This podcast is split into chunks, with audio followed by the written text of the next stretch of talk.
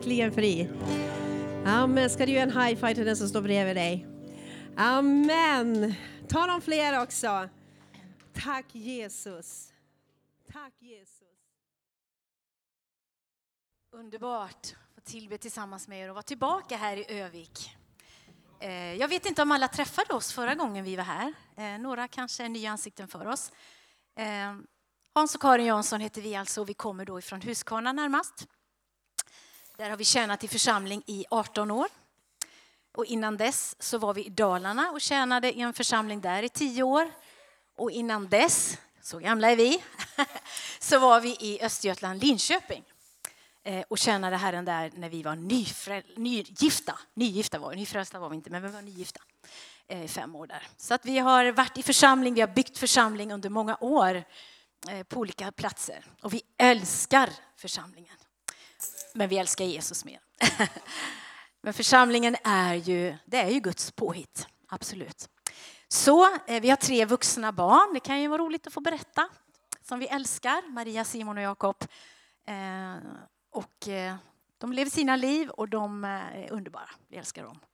Så är det, vi väntar på barnbarn, vi får väl se när det kommer. Mm. Ja, just det, jag har ju här, jag behöver inte ha den. Eh, sen eh, vi var här senast så har det kommit ut en bok som eh, jag har jobbat med tillsammans med Johannes. Johannes har varit redaktör, så om ni tycker den är bra så tacka honom. Eh, den heter Det finns en väg och den, eh, den bygger egentligen på mina första 40 ledarkröniker som jag har skrivit i tidningen Världen idag. I september 2019 så började jag skriva eh, ledarkröniker och eh, hade ingen aning om vad som skulle hända den närmaste tiden. Det har ju blivit tre väldigt tumulta år. Eh, och naturligtvis har jag försökt spegla en hel del av det här i krönikorna också. Eh, när man skriver krönikor så lägger man ner ganska mycket tid på dem. Det är bara den som har tidningen som läser den och en tidningsartikel har ganska kort livstid. Så efter ett tag började jag tänka, tänk om man skulle göra en bok av det här. Eh, så att det blev så och då kände jag att det kan bli ganska träigt att bara stapla krönikor på varann. Så att jag valde att till varje krön- krönika skriva en inledningstext. Det jag ger lite mera bakgrund, det jag berättar lite mer om mig själv, bjuder in läsaren lite i mitt liv, försöker vara lite personlig och eh, eh, knyter ihop det hela till en bok. Eh, och det är alltså de krönikorna är i kronologisk ordning från september 2019 till oktober 2022. Och jag tror också att de faktiskt har en profetisk, ett profetiskt anslag för den tid vi är inne i just nu. Ehm, jag är glad att flera stycken har skrivit sådana här rekommendationer till den. Jonas Adolfsson som är chefredaktör och ansvarig utgivare på Världen idag har skrivit förordet. Och sen har Kerstin Oderhem som är missionsföreståndare i EFS. Eh, Camilla Olsson som ni känner här uppe som är verksam inom pingst och eh, Sebastian Staxet som ni också känner skrivit oförtjänt positiva omdömen. Inte minst Sebastian, han har ett eh, omdöme på baksidan här som eh, jag blev alldeles tårögd när jag fick del av det. Men han sa den här boken, den kom så rätt in i mitt liv. Jag behövde den. Ehm, så den har jag med mig och om du vill köpa ett exemplar och få den signerad så finns det möjlighet att få det där ute. Ehm, jag har också med mig en lista om någon inte har tidningen Världen idag och skulle vilja göra en provprenumeration på den en månad så får du en gratis prenumeration om du skriver i dina uppgifter. Och då är det inget sånt här lurendrejeri så att du sen automatiskt är prenumerant utan efter en, år, en månad så avslutas den prenumerationen. Och sen ringer någon upp dig och frågar om du vill fortsätta eller inte. Så då har du möjlighet att säga ja eller nej. Och det säger Bibeln, man ska säga ja eller nej. Vad därutöver är, det är av, det är av ondo. Så säg inte ja då, utan säg ja eller nej. Gott! Karin, ska du dra igång? Ja, men jag tänkte jag ska introducera lite. Ehm, som jag sa så, så älskar vi församlingen och vi har tjänat församling i många år. Och, eh, nu får vi en ny tid tillsammans Hans och jag eftersom han avslutar sin tjänst och eh, Eh, blivit faktiskt pensionär fast eh, vi jobbar på. Eh, men han får mig frihet att resa och jag har gått ner i tid så jag jobbar 70 procent. Jag jobbar som företagssköterska. Så jag är sjuksköterska i botten då. Jag älskar mitt jobb, jag älskar att vara där och att ge Jesus där. Men jag älskar också att få resa tillsammans med Hans. Jag tror faktiskt också att det är så på Guds hjärta just nu att vi får göra det. Olika sammanhang, olika församlingar där vi vill tala hopp och tro in i församlingen. För jag tror att det här är församlingens bästa tid. Det här är den bästa tiden. När det blir som tuffast, när det blir som trängst, då är Gud som närmast. När vi känner att våran kraft inte räcker till, våra verksamheter räcker inte till, ja men då vill Gud komma. Då får vi lägga ner vårt eget och så kommer han. Och så gör han sitt verk i och genom oss. Jag tycker det är spännande. Och jag skulle vilja lyfta det här med församling. Jag, Eh, jag har levt i församling sedan jag var nyfödd. Jag är född in i en kristen familj. Så jag vet inte vad det är att inte tillhöra en Guds församling. Jag har aldrig var, varit där. Eh, utan jag har alltid funnits liksom, i en gemenskap med alla generationer. En frukt av bön. Människor har bett för mig i generationer. Och jag är så tacksam. Eh, och jag inser nog inte välsignelsen och beskyddet, vad det innebär att få vara en del av Guds församling. Och jag tror att det är viktigt att vi lyfter det och att vi tackar Gud för det. Oavsett om den känns otillräcklig och inte alltid vi är så glada över den, så är det Guds församling. Eller hur? Det är inte vår församling utan det är Guds församling. Eh, när jag var ung så, så minns jag att det fanns bönetanter och bönefarbröder. Jag tror att du som har vuxit upp i församling också kan minnas de här tanterna med, med bibelfodralen och krimplinklänningarna som bad på bönemötena på knä. Eh, som gjorde bönenätter och de bad för oss ungdomar. De bad för barn och ungdomar. Och jag minns att på 70 80-talet så fick vi faktiskt vara med om en väckelse i Borås där jag kommer ifrån en, en ungdomsväckelse som berörde hela den staden. Och jag tror att det där var de här bönevännernas kamp på knä som bröt igenom. Och de mantlarna, hörni, jag tror många av dem ligger faktiskt nedlagda och vi behöver plocka upp dem. Vi behöver plocka upp dem, speciellt vi som har tiden. Vi som har tiden att, att faktiskt vara inför Herrens ansikte, att be på ett annat sätt. Man kanske inte har det på samma sätt när man är småbarnsförälder och det är mycket. Då behöver de oss. Vi som ber, vi som lyfter dem, vi som uppmuntrar dem. Så jag är så, så tacksam för de vännerna som är hos Jesus idag faktiskt. Och jag känner att nu ligger det här på mitt hjärta. Jag älskar att be, så jag ber mycket. Ehm, så mycket är fantastiskt med församlingen. Nu har vi fått tjäna och stå i församlingar också så att vi, vi har ju hela tiden liksom varit i gemenskap. Och mycket är fantastiskt. Men mycket i ärlighetens namn är inte bra heller. Och har inte varit bra. Så är det och det kan vi vara ärliga och säga. Ehm, Och ibland har jag kanske till och med tvivlat på att det är möjligt, att det överhuvudtaget är möjligt att bygga församling och att det någon gång kan få bli det där genombrottet. Vi tappar tro ibland och vi blir lite missmodiga. Men då måste vi gå till Guds ord. För det är där vi hämtar tro, det är där vi hämtar hoppet. Och jag tänker på att oavsett brister och skavanker så är församlingen inte ett mänskligt påhitt utan det är på Guds hjärta. Och om församlingen är viktig så är den kanske viktigare än någonsin just nu på den här jorden som bara blir mörkare och mörkare. Det behövs ett folk som lyser honom, som bär hans härlighet och hans närvaro mer än någonsin. Det står ju i första Petrus 2 och 9 att vi är ett utvalt släkte, ett konungsligt prästerskap. Vi är ett heligt folk. För att vi ska förkunna hans härliga gärningar. Han som har kallat oss från mörkret till sitt underbara ljus. Det är vi. Och vi kan inte slå oss för bröstet och säga oj vad vi är bra. Nej, har, han har utvalt oss. Han har utvalt oss. Han har kallat oss. Det, allting är på hans hjärta. Liksom. Och vi har nåd så får vi vara med. Och av nåd så får vi eh, lysa honom och vi får tjäna honom i den här tiden. Det står också att vi är den levande Gudens församling. Han är den levande guden som vi får tjäna och prisa och ära. Det står i första Timoteusbrevet 3 och 15.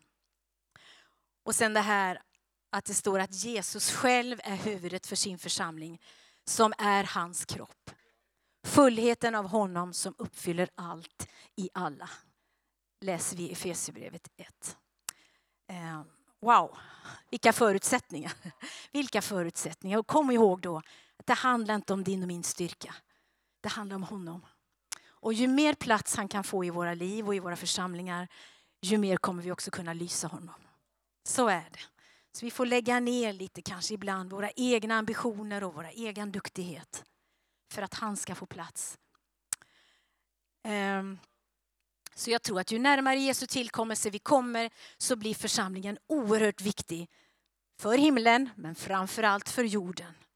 För att det ska finnas ett hopp.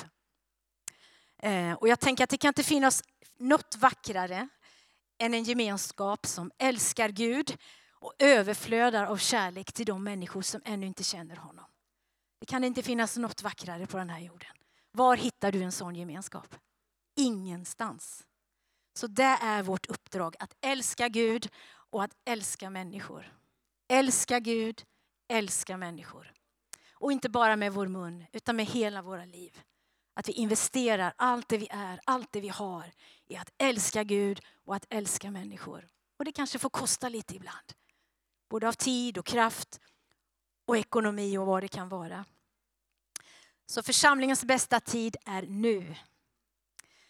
Ni vet att många människor upplever en otrygghet och det är mycket som skakar nu. Sånt där som de trodde kanske var tryggheten i livet inser man, nej, jag kan inte lita på det längre. Och jag tror också att den här gudslängtan som finns i varje människa börjar väckas.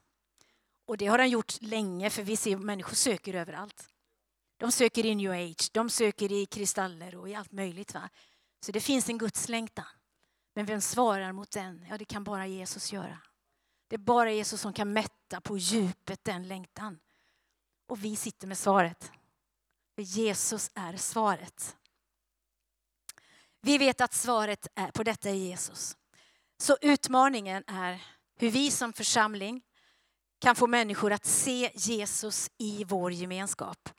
Uppleva hans manifesterande närvaro där. Och det handlar inte om att gemenskapen är perfekt. Utan det handlar om ett folk som älskar och följer Jesus med hela sina liv.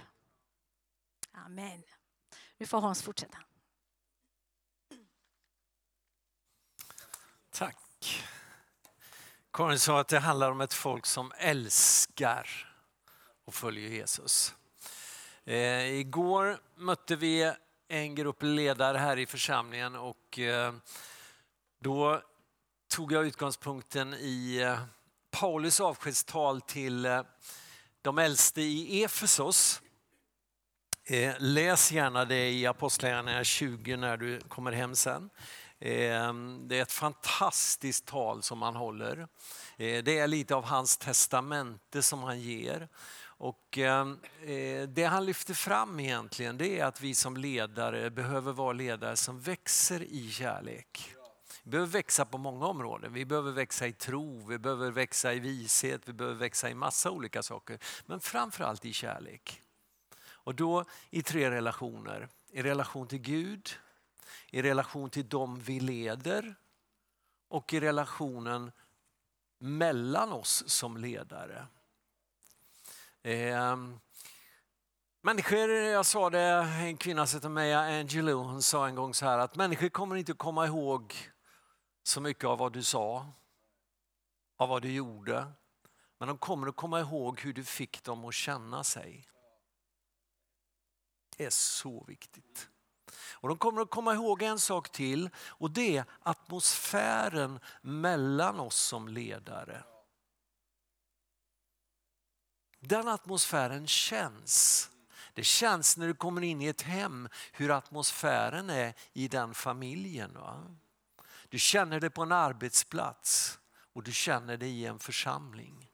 Och den där ledarresan som Paulus fick göra under flera år tillsammans med de äldste Efesos, den slutar så otroligt vackert. Den slutar med att eh, de tar avsked av honom de vet att de kommer aldrig mer att se honom. Och de omfamnar honom, de kysser honom till och med står det. Va? Och det är en sån vacker bild av hur en ledargemenskap, en ledarskapsresa kan sluta. Men tyvärr så slutar de flesta ledarskapsresor i konflikter, avundsjuka, saker som bryter ner. Och kallelse, det är att göra ledarskapsresor som slutar som den resan slutade i Apostlagärningarna 20. Jag tänker gå vidare lite på det här temat därför att det här gäller ju inte bara ledare, det här gäller ju oss alla. Jag tänkte ta dig med till min absoluta favorittext i Bibeln idag. Nu kan du fundera en stund på vad kan det vara för text som är hans favorittext i Bibeln.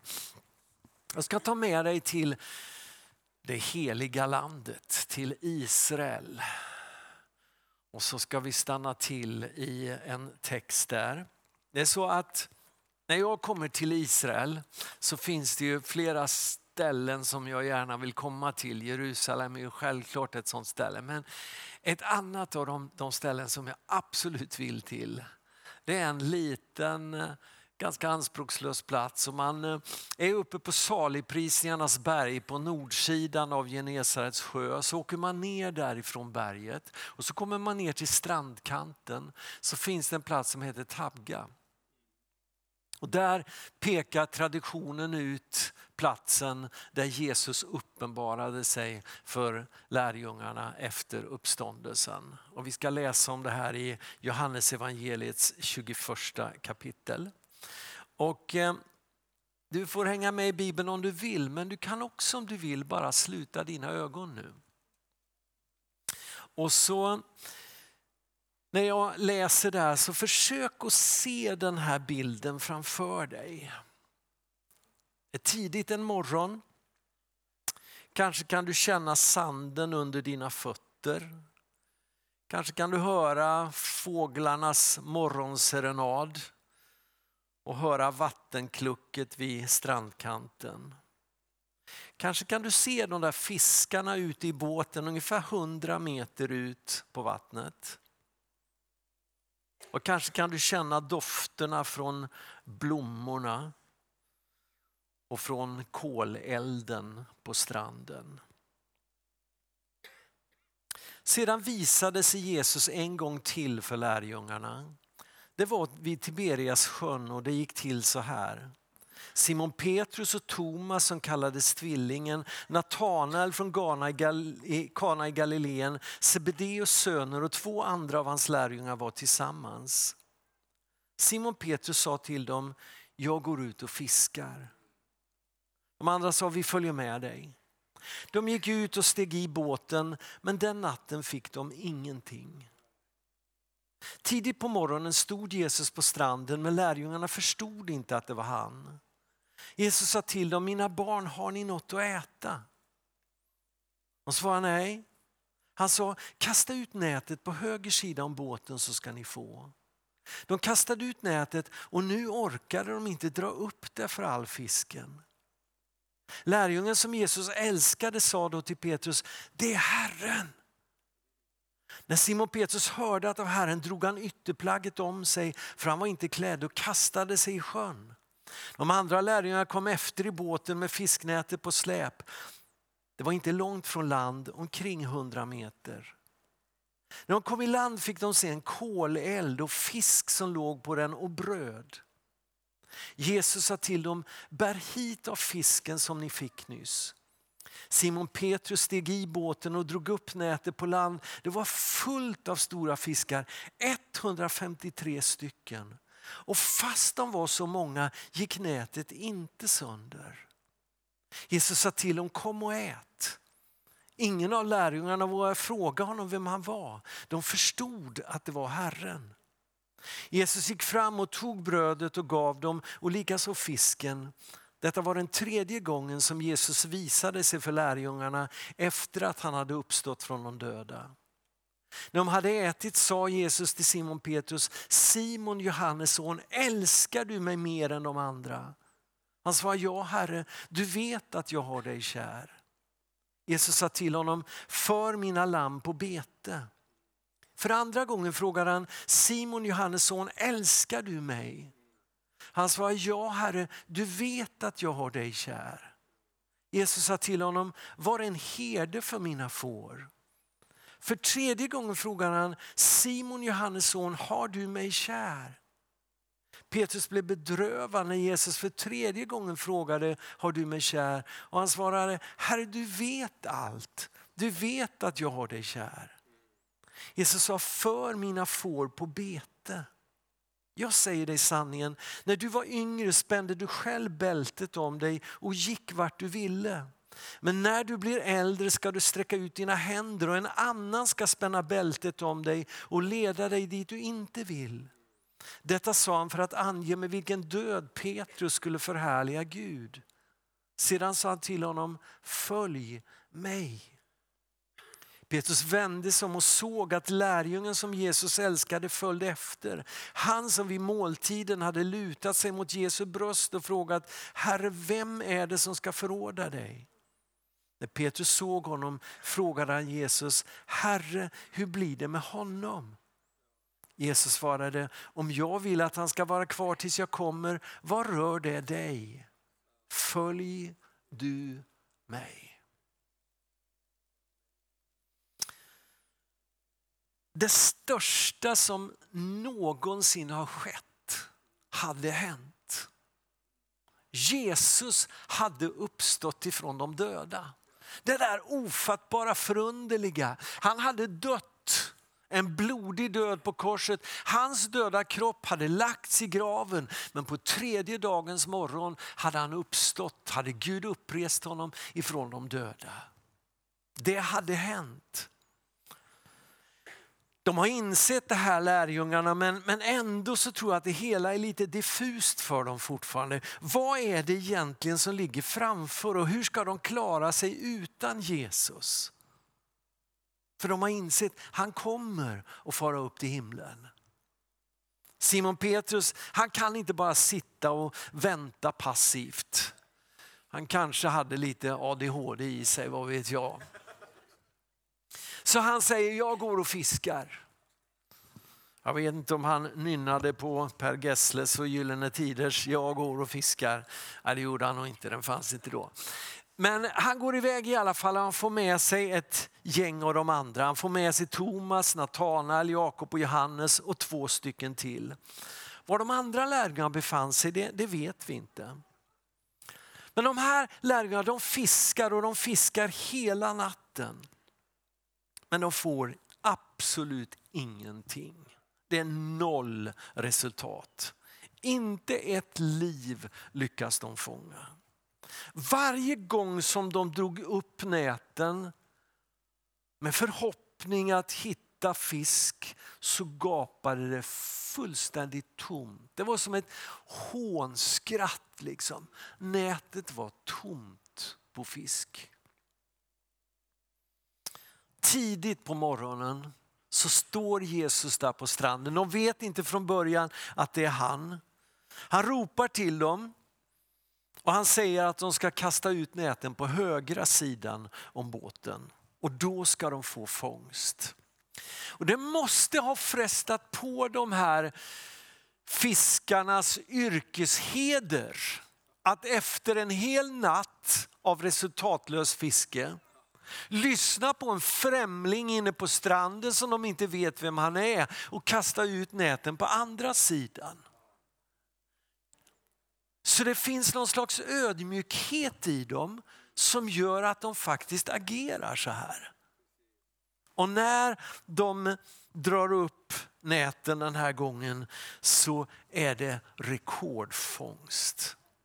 Näten kommer att visa sig vara fulla av 153 stycken stora fiskar. Det här är ju ganska komiskt. Alltså, Jesus har uppstått ifrån de döda. Och de beger sig in till stranden för att vara med Jesus, för att lyssna på Jesus.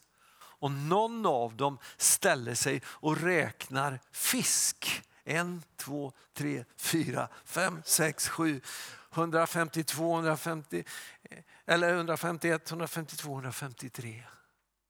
Det är komiskt. Vem räknade fisk när Jesus står framför dem? Hur som helst, 153 stora fiskar.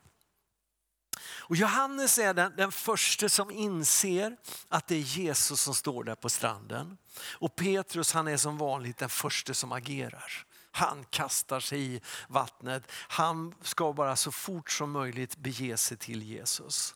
Och där på stranden så möter de den uppståndne mästaren. De möter honom som har vunnit den största segern i världshistorien. Större än när Frida Karlsson vinner Tour de Ski och den här etappen uppför berget idag. Va? Större än när Sverige slår Finland i VM-finalen i hockey. Större än när Argentina vann VM-finalen i fotboll. Större än alla segrar. De möter honom. De möter honom som äger all makt i himlen och på jorden. De möter honom genom vilken allting har blivit till och genom vilken allting hålls samman. De möter honom som är den osynlige Gudens avbild. Förstfödd före allt skapat. Och vad ser de? En grillmästare som har böjt sig ner, gjort en koleld och håller på att grilla fisk och bröd. Hur kan man annat än älska den mannen? Jag brukar säga, om jag hade någon slags konstnärlig begåvning, jag har inte det, jag får panik om vi ska köra rita, gissa, spring sådär. Va? För jag kan omöjligtvis göra något som någon förstår vad det, det innebär. Liksom. Jag har svårt att göra en streckgubbe till och med. Va? Men om jag var, hade någon slags konstnärlig begåvning, den första tavla jag skulle måla, en tavla av Jesus. När han grillar fisk och de där trötta, hungriga lärjungarna den där morgonen vid Tabga så vackert. Hade jag kommit dit hade jag säkert liksom, jag är här nu. Jag har vunnit. Vad var ni förresten?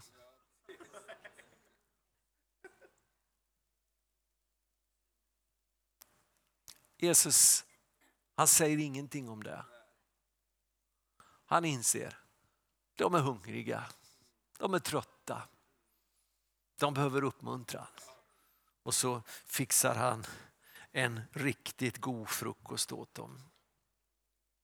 Han ska snart på den första pingstdagen ge dem en dubbel portion av helig ande och kraft som ska öppna upp helt nya dimensioner för dem. Men just nu så inser han att det är vanliga bröd och vanlig fisk som de behöver för att äta och bli mätta. Och han har också gett dem en stor fångst precis som kommer att kunna ge dem en stor ekonomisk inkomst. Därför att fiskarna var ju naturligtvis värda pengar. Va? Precis som kycklingar och grisar och annat. Va? Så att, att han bryr sig om alla områden av deras liv, inte bara våra andliga behov. Och jag tror att Trots enkelheten så blev det en riktig festmåltid där på stranden. De åt och deras magar blev mätta. Men jag tror också att de blev varma till både själ och kropp. Kolelden värmde upp deras frusna kroppar och den varma gemenskapen gjorde dem minst lika varma på insidan övertygad om att de pratade i munnen på varann och att den tysta morgonluften vibrerade av bullrande skratt. Men plötsligt så är det som att luften blir tjock av andäktig helighet. när Jesus där vid kolelden ställer den där närgångna frågan till Simon Petrus. Simon, Johannes son, älskar du mig? Har du mig kär? Han ställer den där frågan i lite olika varianter tre gånger till Petrus. Och scenen är ju mästerligt arrangerad. Det är inte så länge sedan som Simon Petrus vid en annan koleld har svurit och sagt, jag känner inte den mannen. Tre gånger har han förnekat att han känner Jesus. Nu är det som att han ska få ta revansch för sitt svidande nederlag. Och han svarar, ja Herre, du vet att jag har dig kär. Då är det som att Jesus byter bild från fiske till herdeskap och säger, för mina får på bete. Det handlar alltså inte bara om att dra in fångsten och vinna människor. Det handlar också om att vårda dem som vi har vunnit. För andra gången frågar Jesus Simon Johannes son, älskar du mig? Och Petrus svarar, ja Herre, du vet att jag har dig kär. Och Jesus säger, var en herde för mina får. För tredje gången frågar Jesus Simon Johannes son, har du mig kär? Petrus blev bedrövad att Jesus för tredje gången frågar om det är som att, tror du inte på mig? Han säger, Herre du vet allt. Du vet att jag har dig kär. Och Jesus svarar med orden, för mina får på bete. Och den här gången använder Jesus ett ord som syftar på de unga fåren. De unga kristna behöver någon som kan förstå vad det är att vara svag. Tre gånger hade Petrus förnekat Jesus. Då får han tre gånger bekänna sin kärlek till Jesus. Innan förnekelsen så hade han varit ganska kaxig, ganska självsäker. Han hade sagt när Jesus hade berättat för dem vad som skulle hända att ja, ja, de där andra grabbarna är inte så mycket att lita på men Petrus, du har ju själv identifierat mig som klippan. Om alla andra överger dig så kommer jag inte att göra det. Jag kommer aldrig att svika dig. Blir det fängelse hakar jag på. Blir det förföljelse och martyrdöd, jag är med. Jag kommer aldrig att svika dig. Självsäkert, kaxigt. Den här gången är han inte längre lika kaxig, lika självsäker. Han inser att han har misslyckats. De två första gångerna när Jesus ställer frågan till Petrus så använder han det starkaste ordet för kärlek, nämligen Guds kärlek, agape-kärleken, agapao. Och när Jesus frågar honom, älskar du mig med Guds kärlek, den gudomliga kärleken? Så svarar Petrus faktiskt med ett lite svagare ord, den här broderliga kärleken, fileo. Jag älskar dig med en broderlig kärlek. Det är som att Petrus inte riktigt vågar sträcka sig så långt längre. Va? Så den tredje gången så, så drar Jesus faktiskt ner och använder det här uttrycket den broderliga kärleken. Han inser att någonting har liksom gått förlorat i, i Petrus självbild. Va? Självförtroende. Han inser att han är inte så stark som han trodde att han var den där förra gången. Va? Han har blivit pinsamt medveten om sin egen brist och sin egen svaghet. Men att Petrus älskar Jesus, det är ställt utom allt tvivel. Det vet han för vilken allting ligger blottat och uppenbart. När jag läste den här texten vid ett tillfälle så slog det mig att det här är ju en anställningsintervju. Jesus ska ta reda på vem som ska ta över jorden när han är borta. Hans egen jord. Vem ska få det ansvaret? Så han har en anställningsintervju med Petrus. Det är mer än en anställningsintervju, men det är också det. Det slog mig att när Jesus har sin anställningsintervju med den som ska ta över jorden efter honom. Det är ju det, är det viktigaste som uppdrag som någon kan få. Så ställer Jesus en enda fråga. Och det Simon Johannes son, älskar du mig? Och så tänkte jag på alla anställningsintervjuer jag suttit i. Där jag ibland har varit den som skulle få anställningen eller har intervjuats för att eventuellt få anställningen. Men framförallt alla anställningsintervjuer jag suttit i där jag skulle anställa någon medarbetare i församlingen. Och det var som ett knytnävsslag rakt in i solarplexus på mig. När jag insåg, jag har aldrig fått frågan och jag har aldrig ställt frågan, älskar du Jesus? Jag har ställt frågor om vilken utbildning har du? Vilka gåvor har du? Vad är dina starka sidor? Vad är dina svaga sidor? Hur lätt har du att samarbeta med andra människor och så vidare. Va? Och allt det där är ju viktigt, det är ju inte fel i sig.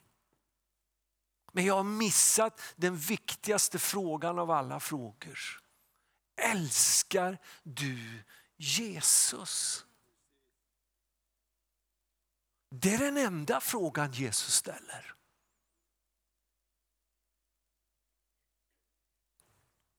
För när allt kommer till allt så är det den mest fundamentala frågan i tillvaron.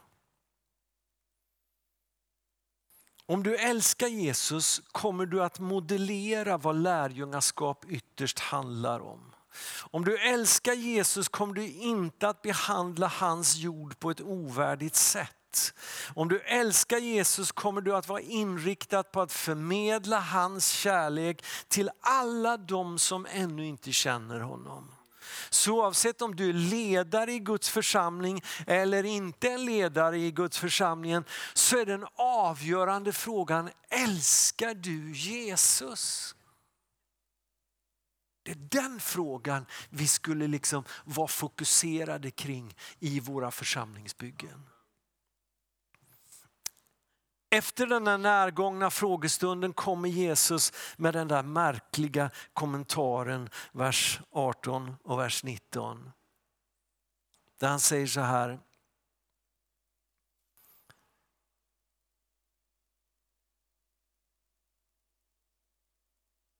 Jag säger dig sanningen, när du var yngre spände du själv bältet om dig och gick vart du ville. Men när du blir äldre ska du sträcka ut dina händer och en annan ska spänna bältet om dig och leda dig dit du inte vill. Detta sa han för att ange med vilken död Petrus skulle förhärliga Gud. Och sedan sa han till honom, följ mig. Det där är lite märkligt. Varför ställer Jesus, varför säger han det här i det här sammanhanget? Behövde han ta upp det just då? Är inte det här någonting som riskerar att avskräcka Petrus från hans fortsatta lärjungavandring? Och jag har tänkt så här länge att det var nog liksom ett sätt för Jesus att lite mentalt förbereda Petrus på att det kommer att vara ett pris att betala i det här. Och det kanske det var, men jag tror idag att det här var oerhört uppmuntrande ord för Petrus att höra. Dels får han veta att han kommer att få leva och bli gammal. Han kommer att bli äldre. Men han får också veta att det kommer att finnas en fasthet i honom som gör att han inte kommer att söka en enkel väg och vara beredd att förneka Jesus. När det krävs så kommer han till och med att vara beredd att uppfylla sitt tidigare löfte till Jesus. Hans självkänsla var bruten efter hans svek. Säkert hade han efter förnekelsen tvivlat på att han hade det mod, det guts som behövdes. Att han hade den karaktär som behövdes för att verkligen kunna fullborda sin kallelse. Men nu gör Jesus det klart för honom att han som vet allt tror på Petrus. Du kommer att stå fast. Du kommer att fullborda hela vägen. Du kommer inte att svika. Du har det som behövs för att följa mig hela vägen. Han kommer till och med att förhärliga Gud med sin död. Jag tror att det var just det här budskapet som Petrus behövde för att en gång till våga satsa helt och fullt för Jesus. Kanske är det du som idag brottas med om du har det mod och den karaktär som egentligen behövs. Då kan det vara ett verkligt evangelium att få höra att Jesus ser mer i dig än vad du ser i dig själv. Och vad du vågar tro om dig själv. Du kommer att vara beredd att kunna gå längre i din efterföljelse än vad någon kan förvänta sig av dig. Kanske handlar det för en del om oss att vara villiga att betala ett pris eh, av lidande genom att dö bort ifrån människors förväntningar, prestige, kötsliga ambitioner. Och kanske är det också för en del av oss faktiskt en fråga om att vi kommer att få förhärliga Jesus genom en död lik hans. Vi vet inte. Vi vet att i många delar av vår värld så är det idag så för de som tillhör Jesus. Och vi har ingen aning om vad framtiden innebär för oss. Men det som är viktigt det är att veta det finns någonting i mitt liv som Gud har gjort, som han har lagt ner i mig. Det finns en kärlek till honom, till hans verk, till människor som inte känner honom än, till människor till de människor som jag står tillsammans med i den kristna gemenskapen som är så stark. Så att jag kommer att gå hela vägen. Lärjungaresan måste börja här och nu och därför är Jesu hälsning till Petrus, följ mig. Och när Petrus frestas att bli upptagen med hur hans medlärjungar ska agera, hur blir det med honom nu då? Så säger Jesus, vad rör det dig? Följ du mig. Naturligtvis är vi en kropp och det är viktigt att vi bryr oss om varann. Men när det kommer till lärjungaskapet så är det ytterst en sak mellan dig och Jesus. Mellan din bror och Jesus, mellan din syster och Jesus. Det är vårt personliga ansvar att följa Jesus. Den här förmiddagen så är det du som sänds ut i tjänst. Vi kallas till människofiske. Och vem vet om det kanske är så att det efter en lång natt i svensk kristenhet där vi har dragit upp näten gång på gång och det i stort sett varje gång har varit tomt i näten. Står inför ett läge där vi kan få kasta ut näten en gång till och plötsligt är det fullt i näten. Kanske kan det vara så att vi snart kommer att uppleva en riktig rekordfångst. Där vi får räkna ända till 153 eller vad det nu är vi får räkna till.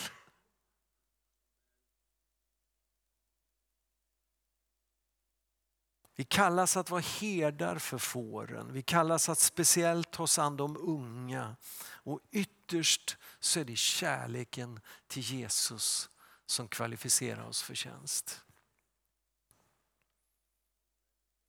Jag tänker på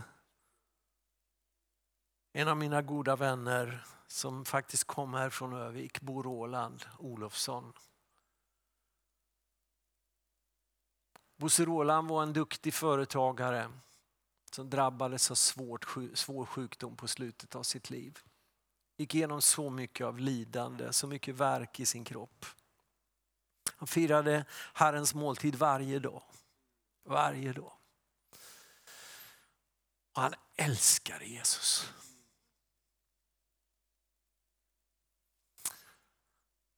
Jag minns han berättade för mig en natt när verken liksom var så intensiv. Men han sa till Jesus, Jesus jag älskar dig så att jag tror att jag går sönder. Och då upplevde han hur Herren sa till honom, Bo Roland, du har bara skrapat på ytan.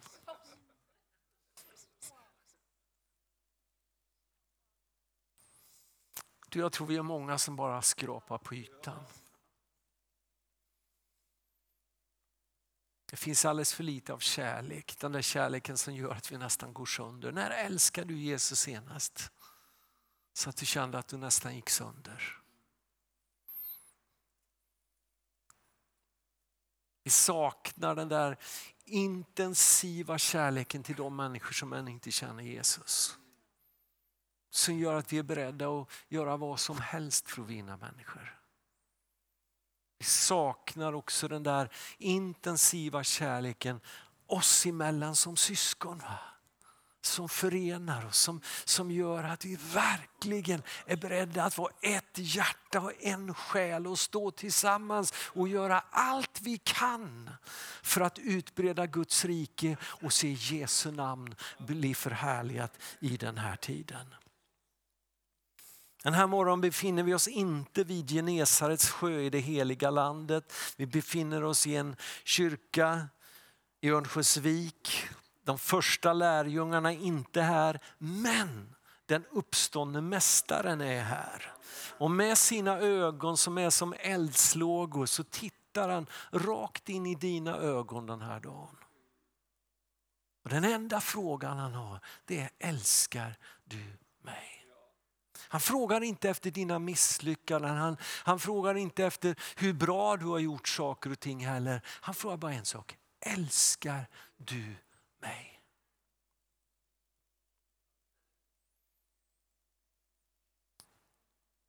Det finns människor här idag som du vet att du har svikit Jesus. Du vet kanske att du har lämnat kallelsen. Du kanske upplever att du har blivit sviken av människor. Och du tror inte längre heller att du har det som krävs för att helhjärtat kunna tjäna i Guds rike idag. Idag har Jesus stämt möte med dig i den här kyrkan. Han vill få dig att våga tro att det finns mer mod i dig än vad du själv vågar se och tro. Och med hans hjälp ska du kunna få göra det bästa av resten av ditt liv.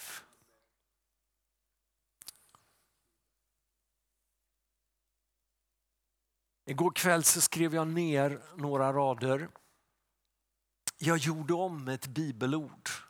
Får man göra det?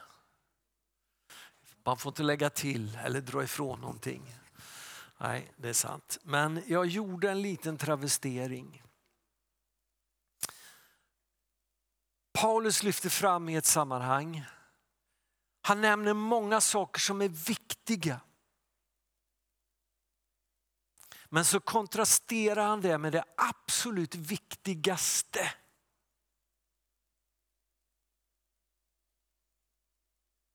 Så allt det jag nämner är viktigt, men det finns någonting som är det viktigaste.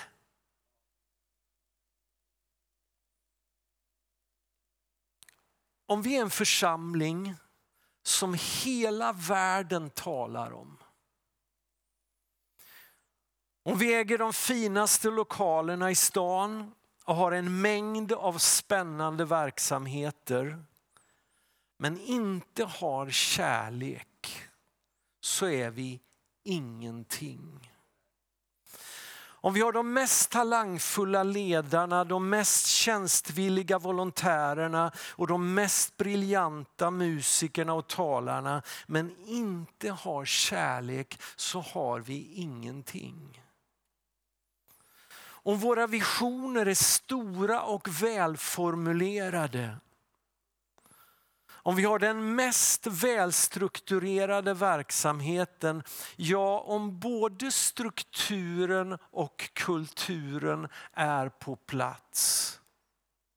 Men vi inte har kärlek till Gud, till varandra och till världen så har vi ingenting. Kärleken är tålig och mild. Kärleken avundas inte. Den skryter inte, den är inte uppblåst. Den beter sig inte illa, den söker inte sitt eget bästa, den brusar inte upp. Den gör inte andra illa, den gläder sig inte över orätten men gläds med sanningen. Allt bär den, allt tror den, allt hoppas den, allt uthärdar den. Kärleken upphör aldrig. Kärleken vinner alltid till slut. Ska vi be tillsammans?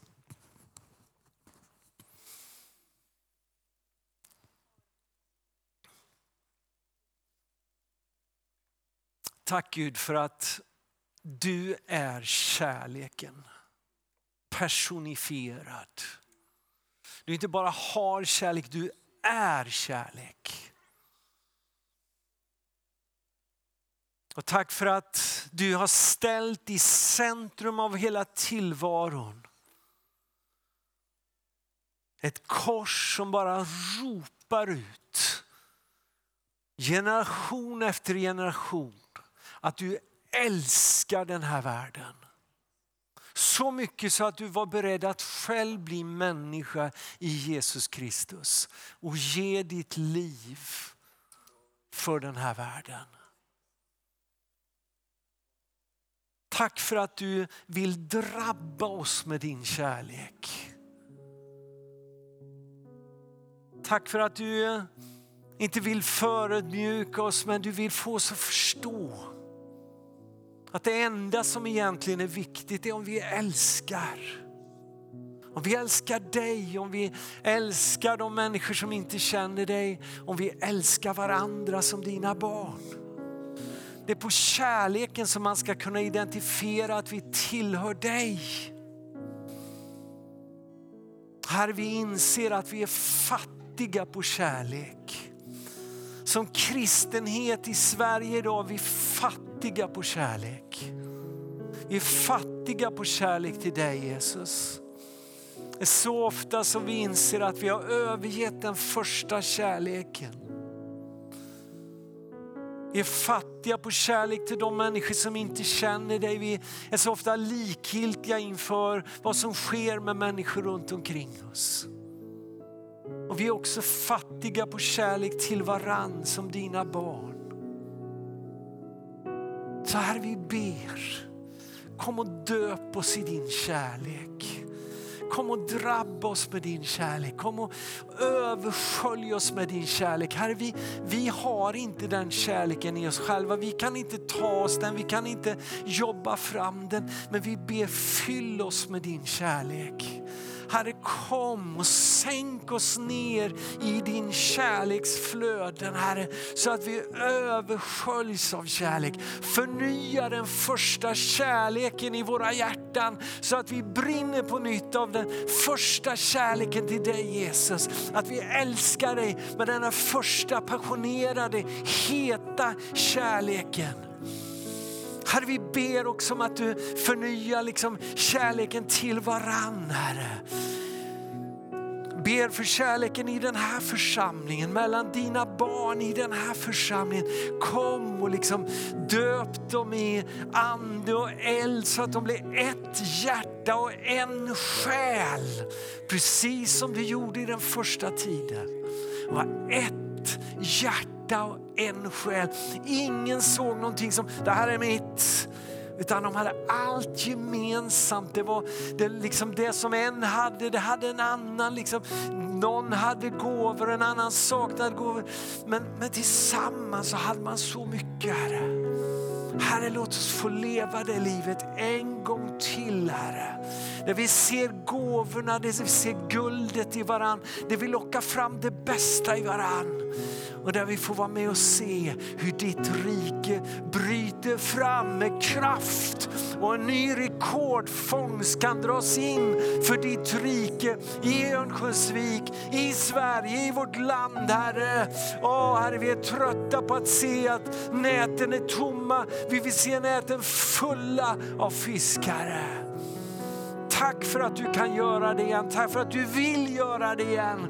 Och tack för att du rör vid oss som dina barn, som din församling och sätter oss i ett läge där vi är förberedda och där vi är kända för hur mycket vi älskar varann.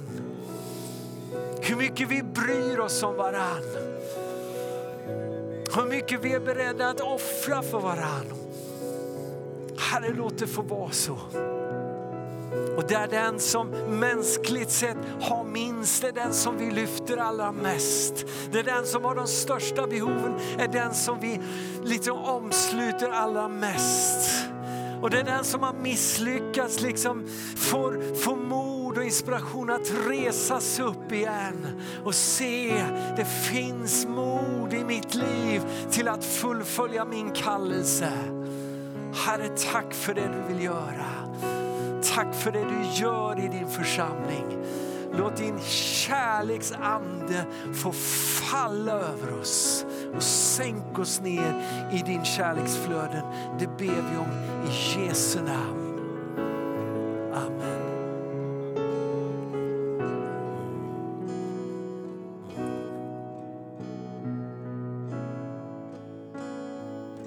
Ska vi stå upp tillsammans?